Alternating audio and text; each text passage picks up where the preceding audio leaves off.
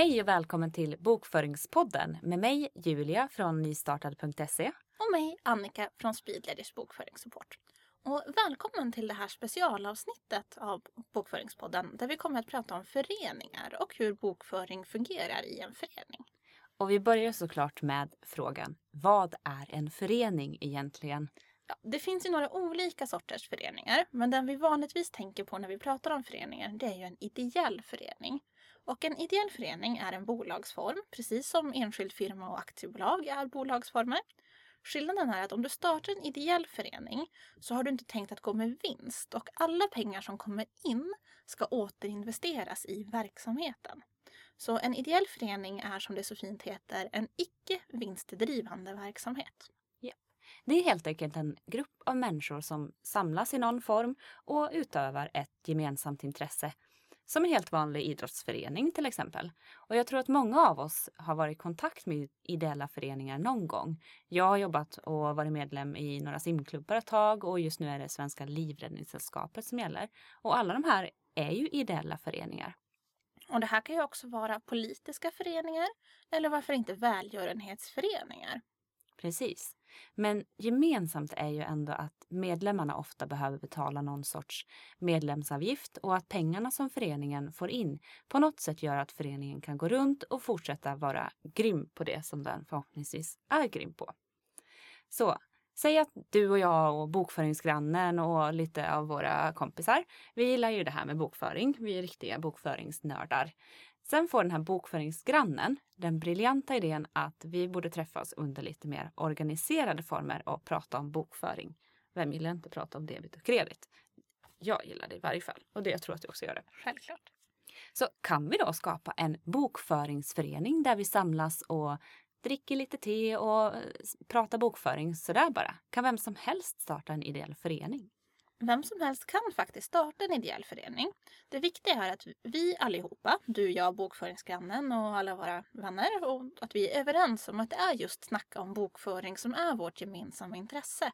Och att det är det som föreningen kommer att gå ut på. Vi kan inte helt plötsligt bara byta och bestämma att nu är vi en strutsförening. Då får vi starta en till förening för de som vill prata om strutsar. Eller möjligtvis så får vi göra om i stadgarna så att vi blir både en bokförings och en strutsförening. Ja, det känns lite rörigt faktiskt om man skulle ha bokföring och strutsa på samma gång. Ja. Sen är det ju faktiskt så att vi egentligen inte behöver registrera vår ideella bokföringsförening någonstans. Som du minst så måste du ju registrera andra bolagsformer på Skatteverket och eller på Bolagsverket. Men det behöver du faktiskt inte göra alltid med, med en ideell förening. Nej men det stämmer. Men skulle du behöva ett organisationsnummer så behöver du registrera dig hos Skatteverket. Och ett organisationsnummer behöver du om du till exempel ska skaffa ett företagskonto hos banken åt föreningen. Och du kan också behöva det om du vill hålla en bokföring i något sorts bokföringsprogram. Vissa banker löser det här genom att lägga upp ett fiktivt organisationsnummer. Men ofta vill de ändå ha ett riktigt. Så kolla med banken vad som gäller helt enkelt om det blir aktuellt att starta ett konto. Men om vi i bokföringsföreningen till exempel skulle vilja sköta bokföringen i Speedledger e-bokföring, då behöver vi ett företagskonto och då behöver vi ett organisationsnummer av något slag i varje fall. Och det här har ju att göra med att Speedledger hämtar all information från internetbanken och skapar upp färdiga händelser åt dig som det bara är att bokföra.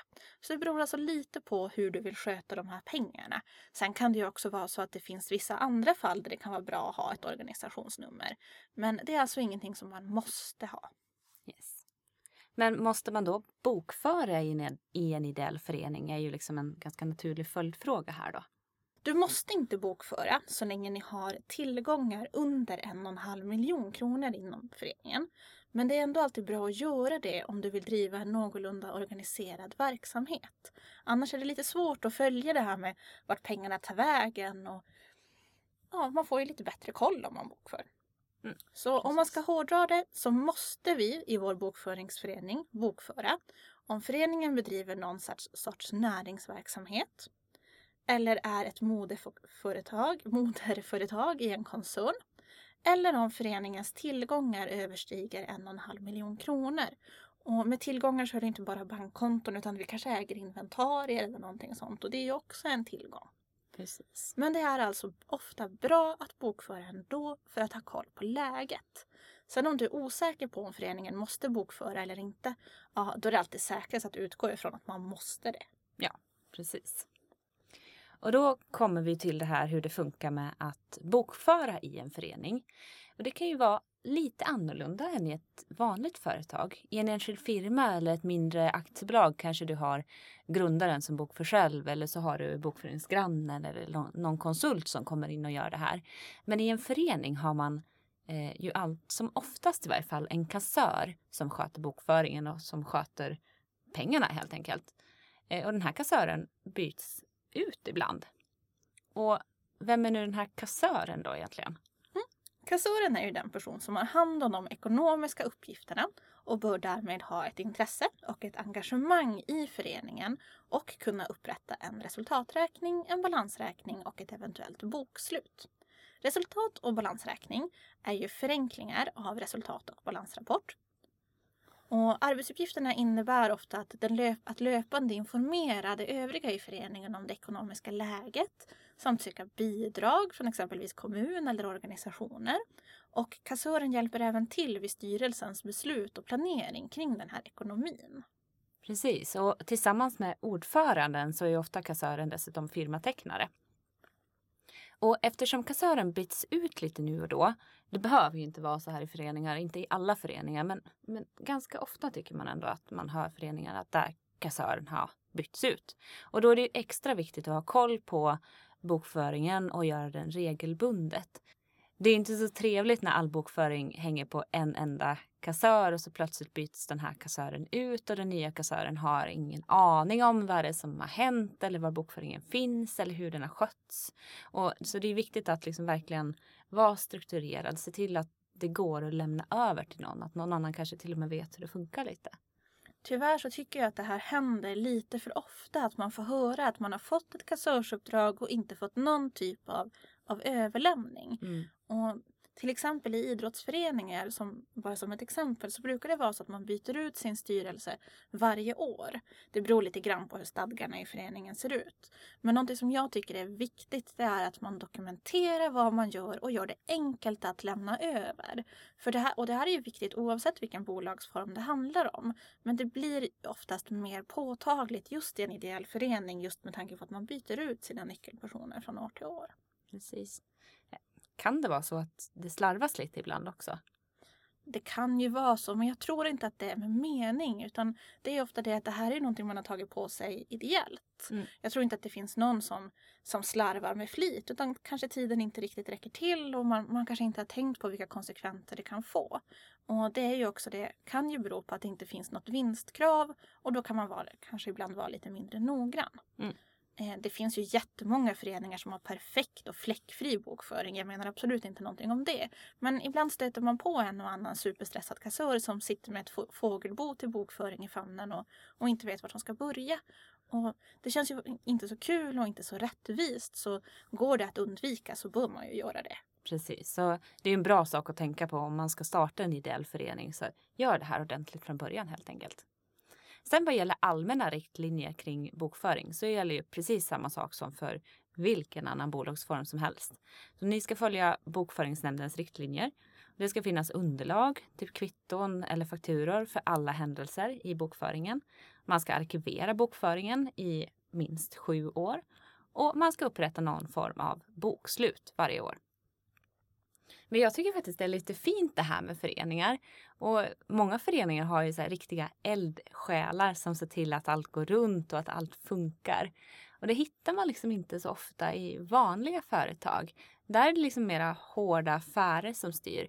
Men i föreningar kan man hitta folk som jobbar helt gratis, helt ideellt och verkligen lägger ner sin själ i det här. Jag menar, kolla bara på alla idrottsföreningar som ser till att eh, de drivs runt av ideella tränare och föräldrar och allt det här sköts ju ideellt. Så utan er så skulle ju idrottssverige inte riktigt funka faktiskt. Håller helt med. I föreningar finns det väldigt mycket själ och hjärta.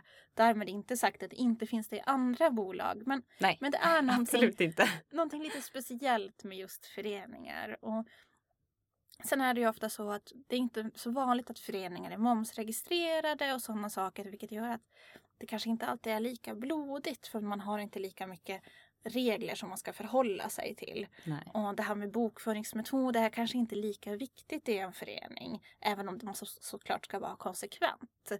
Så och på något sätt så blir det, men det är lite fint med föreningar på något Mm. sätt. Och lite Precis. enklare. Det är ganska bra ändå just eh, man tänker på bokföringsmetod. Att eh, man bestämmer sig för en metod så att inte en kassör kör enligt kontantmetod och så kommer nästa och kör enligt fakturametod. Det kan bli lite rörigt sådär. För allas bästa så försök bestämma en metod. Och där vill jag nog också säga att om ni bestämmer er för att byta så se till att ta upp det med styrelsen annars kan det bli lite besvärligt. Ja, precis. Men för att sammanfatta det här så bolagsformen ideell förening eh, är ju för dig och tillsammans med någon annan eller flera andra. Och det är om ni vill kunna utöva ett gemensamt intresse under mer organiserade former. Och ert intresse kan vara precis vad som helst, inte bara idrott utifrån allt till sport och politik eller kanske någon liten vinförening eller någonting sånt. Precis. Och har du några frågor så är du som vanligt jättevälkommen att eh, mejla oss på bokföringspodden speedledger.se. Och som alltid, glöm inte att bokföra regelbundet. Lämna det inte till sista sekunden. Det är så himla otrevligt och stressande. Och hela världen behöver lite mindre stress. Mindre stress och mindre prokrastinering. Ja, håller helt med. På tal om stress här då, så jag har fasat lite för det här avsnittet för det här blir mitt sista poddavsnitt för Bokföringspodden. Och det har varit jätteroligt att få göra den här podden med alla er som lyssnar och med dig Annika och med Speedledger e-bokföring. Vi på Nystartad är jättetacksamma att vi får vara med här. Eh, Men du ska ju fortsätta med det här såklart och det kommer en annan kollega från nystartat.se som kommer att köra på. Jag kommer inte vara ensam, men jag kommer att sakna dig. Precis, det kommer sakna dig också. Men vi löser det här. Bokföringspodden lever vidare. Precis. Så nästa gång så kommer det en eh, ny person från Nystartad och Annika får en ny kollega. Och med det sagt så säger vi Trevlig bokföring.